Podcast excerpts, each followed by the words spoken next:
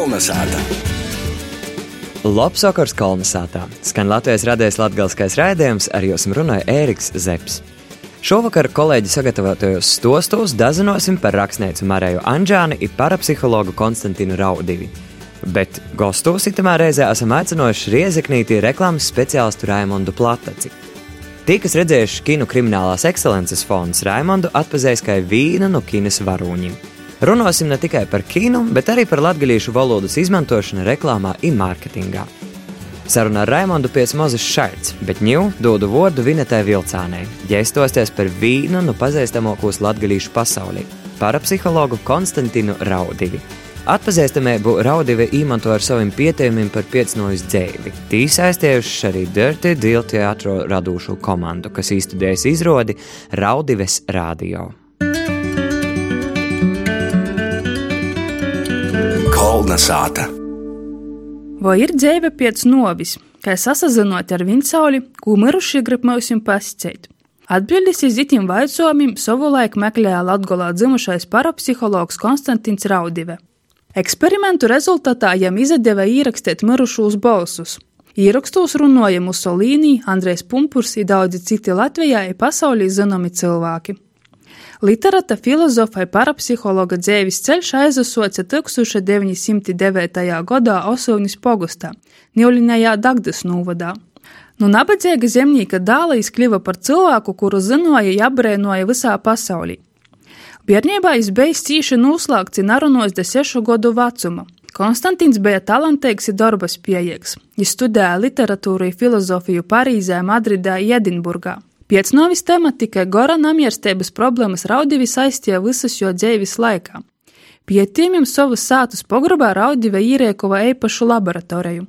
Jis bija polīcinots, ka valsus ir viestiemus no viņsaules var ierakstīt ar tehniskajiem leidzekļiem. Vocijā vēlēs viņi ir sasaglabojuši Konstantina Raudivis pādi, Latviešu centrā Minsterā jam veltīta pīmeņas uztaba. Timā sagojas pabūt muzikim ir Latgolas viesturis pietnīkam Arņam Slobožāninam. Blakus ir Zentas Mauriņas uztaba un pori koridoram arī Konstantina Rāģevis uztaba. Muziņa uztabeņa, kurai rīkortota, nu, apmēram tie sajūta ir tāda, ka es ir tikko izgojis orā pasastaigoties kaut kur. Sto visi jo magnetofoni ar antenom, kurus es biju tad pakojis vaļā, ir tad sodis čemodanus attaisami, daži jau tādi mūdēgoki daži nav tik mūdīgi. Stojo visi uh, izdevumi, grāmatas. Viena grāmata ļoti slavena. Um, Nadzirdamīs kļūst dzirdams saucās. Uh, Vācu valodā izdevums. Raudīve bija savas idejas poriem citā nosadeva pilnībā, atstājot novārtā rakstīšanu citas nodarbis. Pieteikumiem raugot nodibinot kontaktus ar viņcauli ikdienas nosadeva 12 stundas, jo arhīvā bija ap 100 tūkstošiem balsu īrakstu. Mirušo balsu ierakstīšanas process noticis sekojoši. Komunikators vaicoja, vai tīkaits ir, tad klusumā teno skaņu lenšu ripas. Mirušo balsus varēja dzirdēt atskaņojot ierakstus. Mirušie saukuši savus vārdus un pavārdus, minējuši arī savu rodu vārdus, kā arī vītas intereses dzīves laikā, stostījuši par sevi. Aizkapa balsus raudīja izdeva ierakstā. Mūsu dīnos tos var nosaklausīt internetā. The experimenter calls on Vitauts Simane. Raudīvis ierakstos mirušie runāja valodos, kurus zināja pats Raudive - latviešu, vācu, angļu, zviedru, spāņu, itāļu, franču, krīvu, arī latgaliski.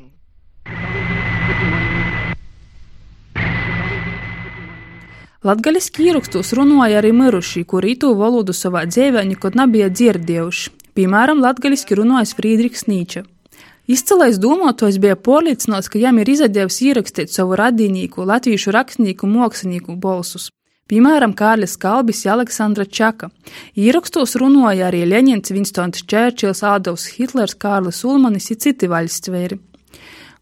Balsi runāja aprautos teikumos frāzēs dažādos valodos, bieži viņus sacītu varēja saprast viņa pats raudive.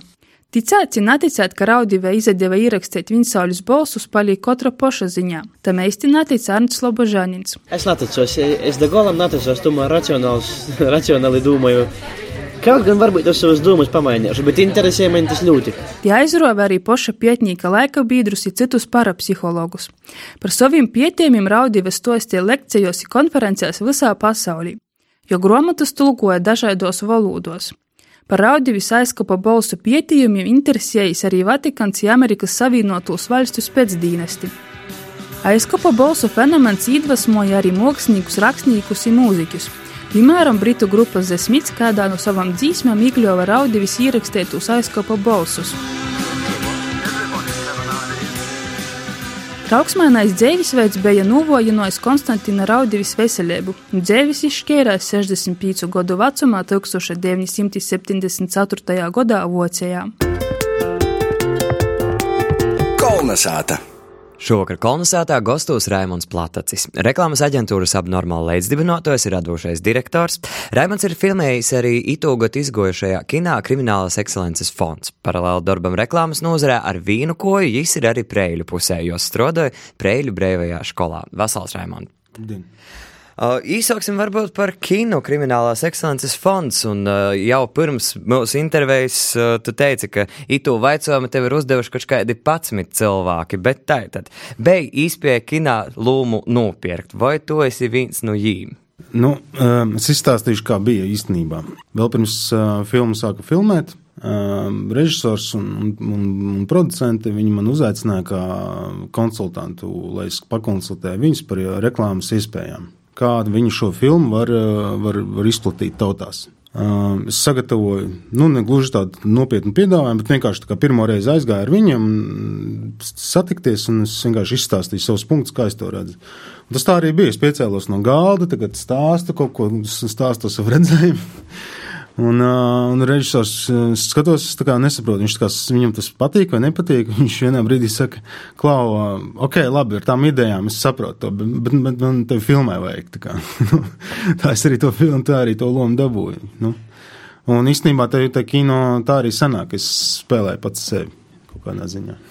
Bet vai tev jau iepriekš ir bijusi kaut kāda saistība ar tālošanu, ar aktīru mākslu?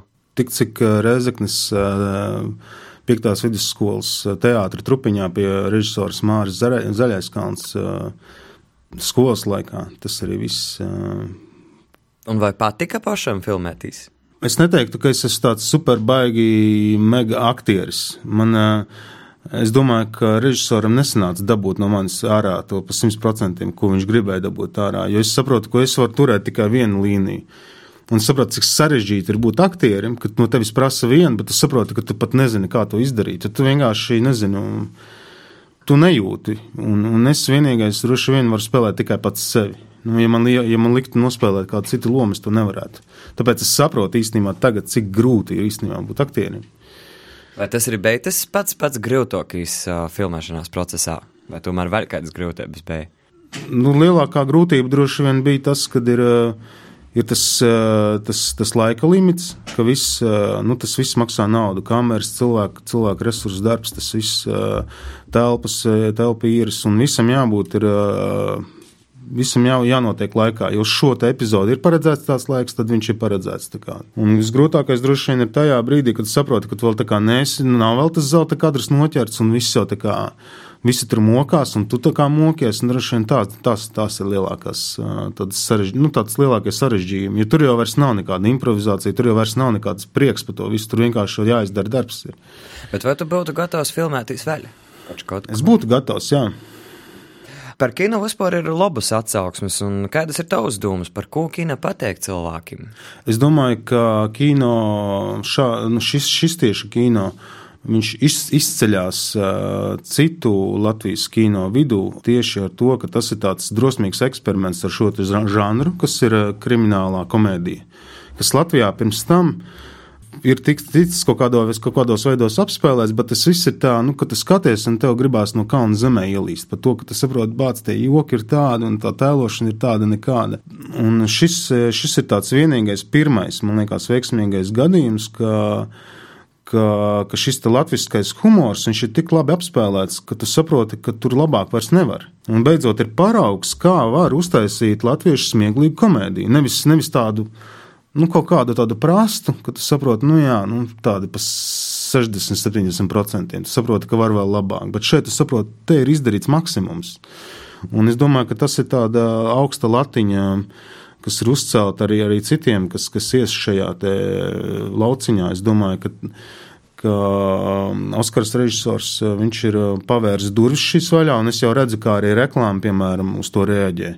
Es redzu, kā, nu, kā vispār latvieši uz to reaģē. Es saprotu, ka tur, tur ir kaut kādas durvis pavērtas, un uh, Oskars ir uzdrošinājies to izdarīt. Viņš ir izdarījis to perfekti, un uh, tagad arī citi nebaidās jau šajā lauciņā arī.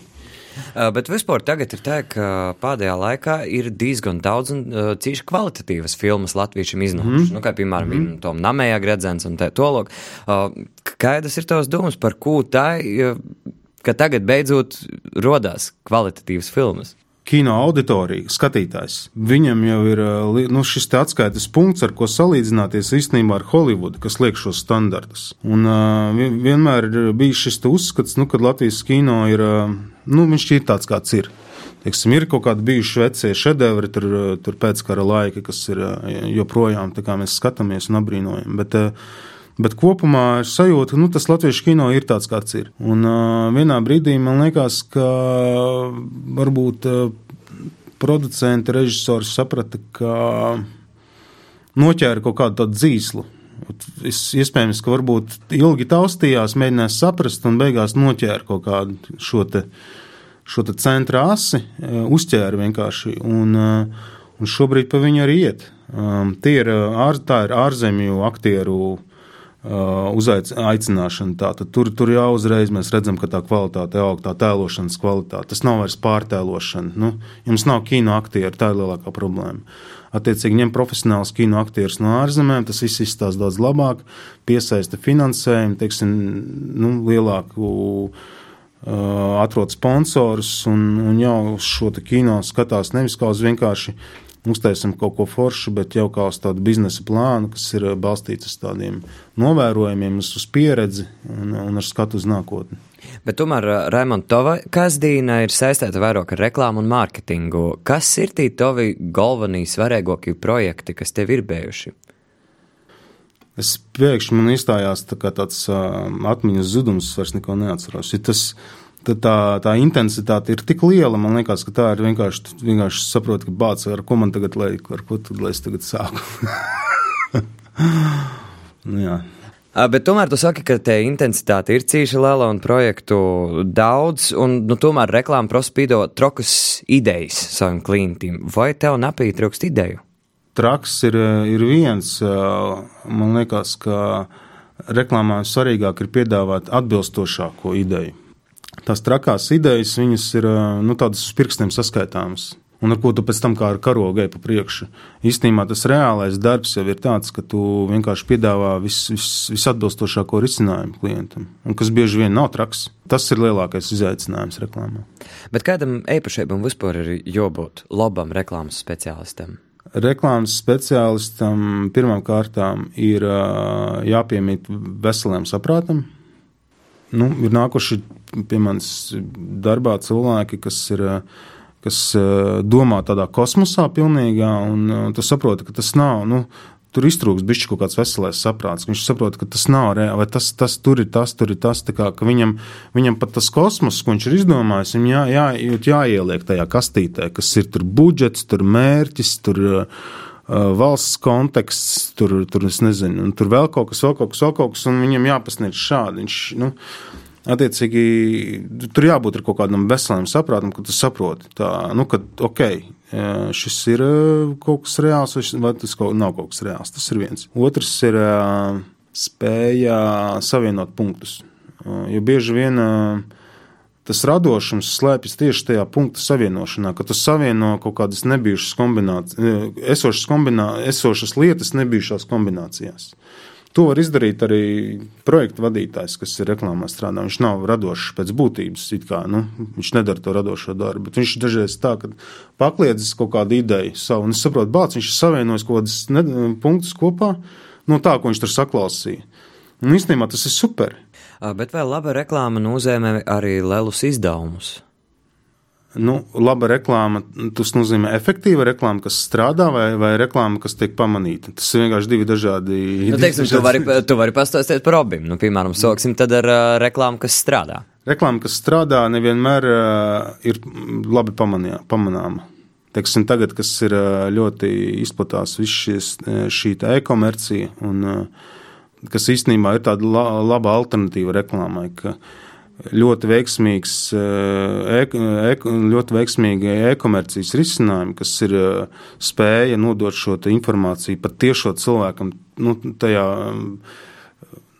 nu, tajā viņa paradumu kaut kādā kopumā, Man liekas, ka tā ir, tā, tā ir jaunā, jaunā, jaunā lieta.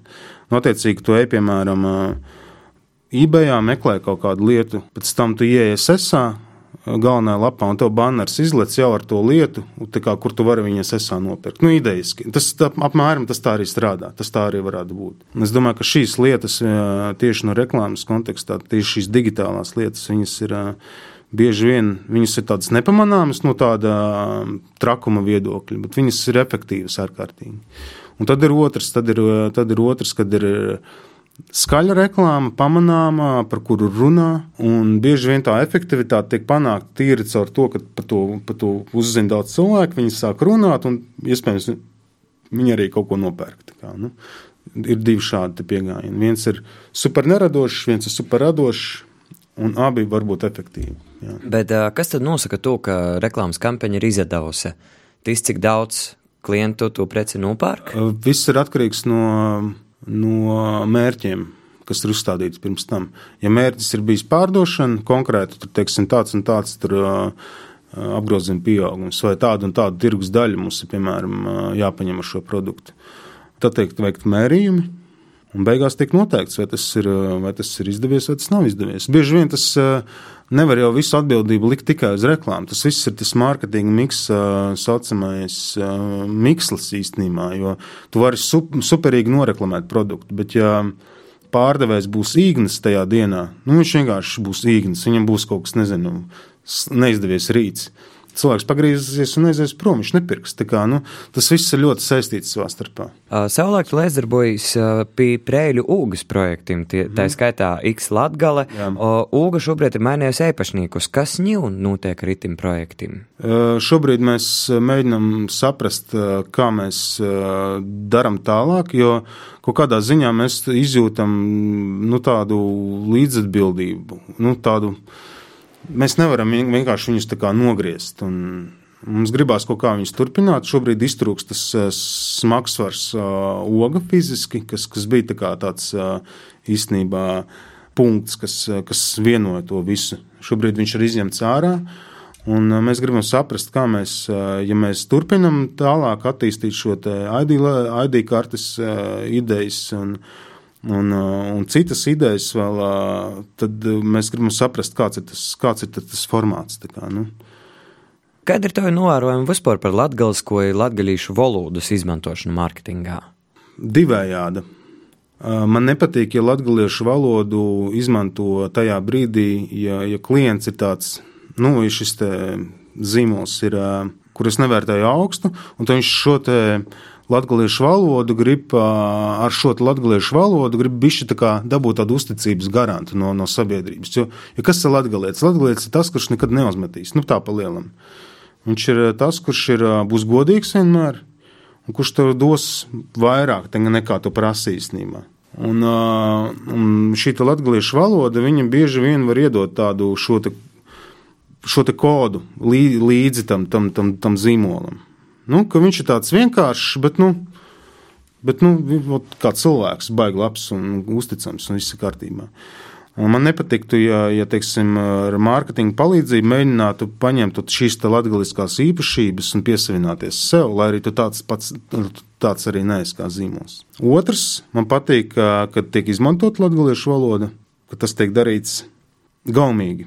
Un tas tiek darīts tiešām nu, nezinu, smieklīgi, interesanti, jo mums nav jābaidās no tā, ka mēs var, varam šķist kādam, kādiem, teiksim, nu, smieklīgi, varbūt, um, nu, bišķi panāja, varbūt, bet tādā labā nozīmē. Nu, tāda ir tādu labestīgu skatu pret apkārtējiem un pret visu pasauli. Tā kā, un, un man liekas, ja pārējie latvieši var par to pasmieties, mums nav jābūt uh, ar to uh, baigi jā, aizvainotiem.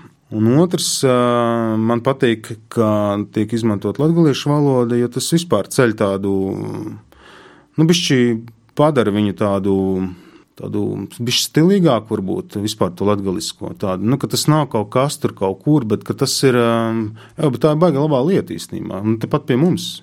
Man liekas, tas ir baigi labi. Bet vai vispār latviešu valodu šobrīd reklāmos izmantoja vairāk? Nu, es esmu to novērojis pēdējā laikā, bet es nezinu, vai ties, es arī nevaru visu laukumu pārredzēt. Es vienkārši domāju, vai tas tāpēc, ka man vienkārši ir sakritis tā, ka es redzu tās lietas, vai arī, vai arī tas tā notiek. Iespējams, tas tā notiek. Jā. Kādreiz tā tad mm, viss sākās ar. Uh, ar Borovimsi, ja, šī atzimšana, kas ir tādā popkultūrā. Tā, tā kā varēja redzēt, kaut kur tas pirms tas vilnis aizgāja. Un šobrīd man liekas, ka, ka arī ir kaut kas līdzīgs šis te ausmeņu kebabs fenomens Rīgā. Es uzskatu, arī tas ir iedevis kaut kādu savu, savu, grū, nu, savu veidu grūdienu tam. Bet šobrīd es jūtu tādu, tā kā, nu, ka ir tas, tas kā bišķi ceļās tā latgaliskā, latgal, latgal, latgaliešu valoda.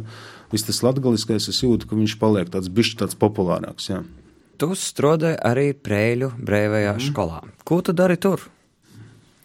Prēļu brīvajā skolā es uh, daru to pašu darbu. Es uh, domāju, ka es aizbraukšu tur, uh, darīšu kaut ko citu. Bet īstenībā jau beigās tāds paradoks sanāk, ka es daru tieši to pašu. Jo es, um, es esmu skatos kā mentors um, bērniem. Un, uh, strādāju ar klasi no 1 līdz 5.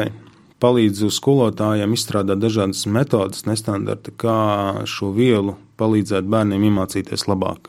Nu, kā piemērs, tur, nu, ja angļu valodā, piemēram, mēs mācījāmies tur vārdiņi, man bija, kas bija jāiekaļ galvā. Tur cat, dog, tur es nezinu, nu, viss pārējais, viss pa strīpu uz leju. Tad šajā, šajā piemēram, Preļas brīvās skolas gadījumā mēs par pamatu tiek ņemt atmiņas spēles, nezinu, nezinu, nezinu kad ir, eh, kad ir jāatver eh, divas, divas kartiņas, un jāatrod vienādās un jāpaņem sev. Nu, tur, piemēram, ir eh, uz vienas uzzīmēta mašīna, uz otras rakstīts kārta, piemēram. Un, teiksim, arī daļskaitļus. Man skolotājs saka, Rēmons, kā var iemācīt daļskaitļus bērniem. Un, tad es arī, teiksim, ar šo atmiņas spēli, tur, piemēram, teiksim, uz vienas kartiņas mēs uzrakstam tur viens vesels Tur viena otrā, uz otras, teiksim, mēs uzrakstām tur uh, 1,5 piemēram. Nu, tādas lietas, kur viņi arī tā saredz tās daļskaitļus un, un, un saprot, ko nozīmē tas daļskaitlis. Un, un tas viņiem ir tādā spēles, uh, spēles uh,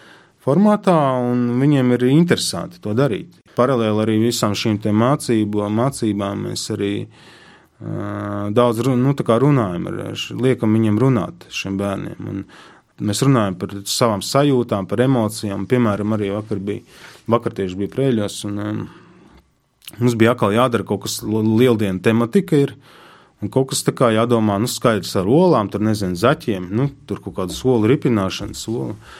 Nu, tas, tas, līdz kam mēs nonācām, mēs sapratām, ka mums, ja mēs, mēs ik pa laikam nu, runājām, katru nedēļu īstenībā mēs runājam par šīm savām sajūtām, kā tu jūties, nu, tur tā tālāk. Un, uh, tas, ko mēs izdomājām, īstenībā mēs izdomājām tādu olu emociju turnīru. Uh, uz katras uh, sākumā mēs sarakstījām stāfeles emocijas, dažādas bērnu sauc tur. Uh, Tur uh, naids, bailes, mīlestība, prieks, dažādas emocijas. Un uh, vienam bija labā emocija, viņam, viņam bija sliktā emocija. Tad viņi sitās ar olām. Un, uh, un tur bija kaut kāds rezultāts beigās. Uh, Tur, piemēram, prieks uzvarēja bailes. Ja? Nu, olu kaujā, piemēram. Tad es viņiem liku izveidot stāstu, nu, kurā kādā, kādā brīdī, kādā situācijā dzīvē jums šādi gadās. Kad, un tad viņi domā, nu, kā es tur atnācu uz priecīgs uz skolu, šodien tur. Mm, agri pamodos, saule spīd, atnācu uz skolu, uzzināju, ka tur es nezinu, es nezinu kaut ko, kas, kas būs eksāmenā. Nu, piemēram, idejas. Tad, tad man šis prieks pārauga bailēs. Un pēc tam tās uzvarējušās solis, kas uzvarēja tajos turnīros, gāja tālāk uz playoffiem un um, ar, ar pārējām cīnījās. Kā, un beigās mēs nonācām līdz tai, līdz tai uzvarētājiem olai. Un kas, kas, kas dīvainākais bija, ka, ka beigās sacentās uh, ekstāze ar laimi. Mēs mēģinājām noskaidrot, kura tad uzvarēs ekstāzi vai laime. Un kas uzvarēja? laime uzvarēja. Jā. Mēs mēģinājām atkal caur sarunām saprast, kāda ir atšķirība starp ekstāzi un laimi. Jo es, piemēram, nezināju. Nu, bet tādā ziņā tad uh, vēlēsim uh, laimi mūsu klausētojiem arī. Diemžēl intervijas laiks mums ir beidzies. Uh, paldies tev par sarunu. Mm -hmm, paldies, Šovakar kolonizētā gastos bija Raimons Platacis, reklāmas aģentūras apnormāli leidsdibinotais radošais direktors, kā arī aktīvs filmā Kriminālas ekscelences fonds un uh, darbinīgs Prēļu brēvējā skolā. Kolnesāta! Raidījuma izskaņā literatūra kritikas rubrika Kolnesātas grāmatplaukts. Timā literāts Oskars Orlovs abarājbīs stosties par dzēnēcu Marēju Anģāni. Labs vakars Kolnesātas grāmatu plauktām! Itamā literatūra kritikas rubrikā turpinājām runāt par latgalīšu rakstniekiem i apsevērt jūs sarakstētos grāmatas. Itamā sasdiņā iepazīsimies ar rakstnieku Mariju Anžāni i jos daļradim. Marija Anģāne ir dzimusi 1909. gadā Nīvlinējā Dagdas novada Šķaunis pogostā. Pēc pagastskolas beigšanas Olkas pēc izglītības jū noveda iz Rēzekni, iz skolotoju institūtu. Tajā notiek zīmīga sazatikšanos ar baznīcas kungu, kultūras un sabiedrisko darbinieku Nikodemu Rancānu, kurš 20. gadsimta 20. un 30. gados bija jos un porejos latgalīšu inteligencijas gorīgais skolotājs. Marijas Anžānis literāros gaitas aizasoca pēc institūta beigšanas, pagošo gadsimta 30. gadu sokos, kad jau pirmo reizi publicēja literārajā žurnālā Zīdūnis. Tas bija dzēvuļs caur Osorom un Eiso skice Oroidāls. 1933. gadā izdevējos pirmo dzīvuļu krojumu Reits. Tas ir vienīgais autors publicētais dzīvuļu krojums Latvijā. Kritiķi pamatūtai to nosauc par Reita gaviļam latgalīšu dzējā. Marija Anģāne aktīvi līdzdarbojās un publicējās latgalīšu periodikā. Otro pasaules kara laikā Vladislava Loča izdevniecības rīkotajā literārūs darbu konkursā Anģānis Dzēvuļu krojums dzēveibai īgiva otru vītu. Kara laiku jē ar vēru latgalīšu dzēnīku Konstantinu Strodu plecinīku itrējiem bārnim pavadīja varakļonus. Tok 1951. gadā dzēnīca ar visu saimi devēs biegļu gaitos, it ar vocēju aizceļoja iz Amerikas Savienotajām valstīm. Savukārt mēs no Marijas Anģānis dēļradis itamā reize apsevērsim 1999. gadā izdūtu dzējas izlasi Dimensiju kvadrātsaknes ar literatūras zinātnieces Ilgas Šuplinskas komentāriem. Šimā grāmatā dēnama Marijas Anģānis īprīks napublicēto dzējā latgalīšu un latviešu literārajā valodā. Izlasē iekļauti 170 dzējūļi. Apmēram trešo daļu no tiem autore sarakstījusi pagošo gadsimta 80. gadu sokos. Nuskaitiešu vīnu no dzējūļiem ar nosaukumu Vara. Visos mūžos un laikmetos vara iznīdē tos, kuri ar saprātu skaidrāko cīņā pret sparu sīvāko turas tālāk no bara, kuri darbos un centienos netur sevi par padoto, neloka ceļus pret to. Mariju Anģāņu uzskata par spūdru kristīgo romantisma pasaules redzīņa izsacētoju, kura pieejama modernismam savīgu izteiksmes veidu, trimdes laika rakstītajā dzējā. Tokna visod viss ir tik romantizētos noskaņos. Trimdes attieksme pret dzēnieci bija divējaida. Viņi atbalstīja jos radošos izpausmes, citi nā. Te es runāju par tādu lietu, ka trimdes latgalīšu kūpīnā bija tādi, kam nepatika fakts, ka jie raksta arī latviešu literārajā formā. Citiešu fragmentu no Marijas Anžānis vēra viestulis fragmenta, kas adresēts Ilgaišu Plinskai. Latgaliski drukotājam gromotam nebija lasētoju. Marija Anģāne bija uzcaur latgaliska, bet arī latvīta. Jai gatavoja kaut ko nūdūt drukot latviski, bet bija bailis, kā ar to nūnoks Vladislava Loča spaidūs. Jai atsauca izdevējai dzējuļu krojumiem no vairākam latviešu izdevniecībām, jo ogrok tādu trimdā bija daudz. Bet Marija vilcinājās, ja viss izpalika. Viestulis fragmenta beigas. Būdams pats rakstnieks, varu pasakāt, ka itāda attieksme ir uzskats, ka latgaliski rakstūšajiem ir joraksta vien latgaliski, valda vēl arī dažam. Manuprāt, tas ir absurds. Marija Anģāne ir viena no izcilākajām latgalīšu dzēniecēm gan Latvijā, gan Trimdā. Ja ir pirmo, kas atsakās no pesimisma un rūgtuma latgalos atainojumam. Marijas Anģānis rakstītos rindas ir iedvesmojušas muziķus radīt dzīsmis, arī savvaļnieku, kurš albumu sūplok velties pieminētajai dzēniecei sakarā ar jos simtgadu jubileju. Mūžībā izcilo dzēniece aizgojas 1988. gadā. tad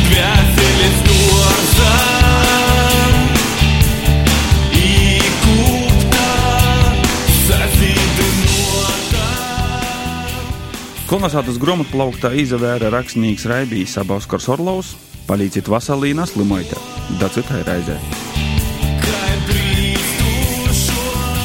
Kolonizācija ir izskanējusi. Raidījumu vadīja Ēriks Zepsi. Radošajā komandā producente Vineta Vilcāna izskaņa meistars Inns Salmiņš. Kolnesāta!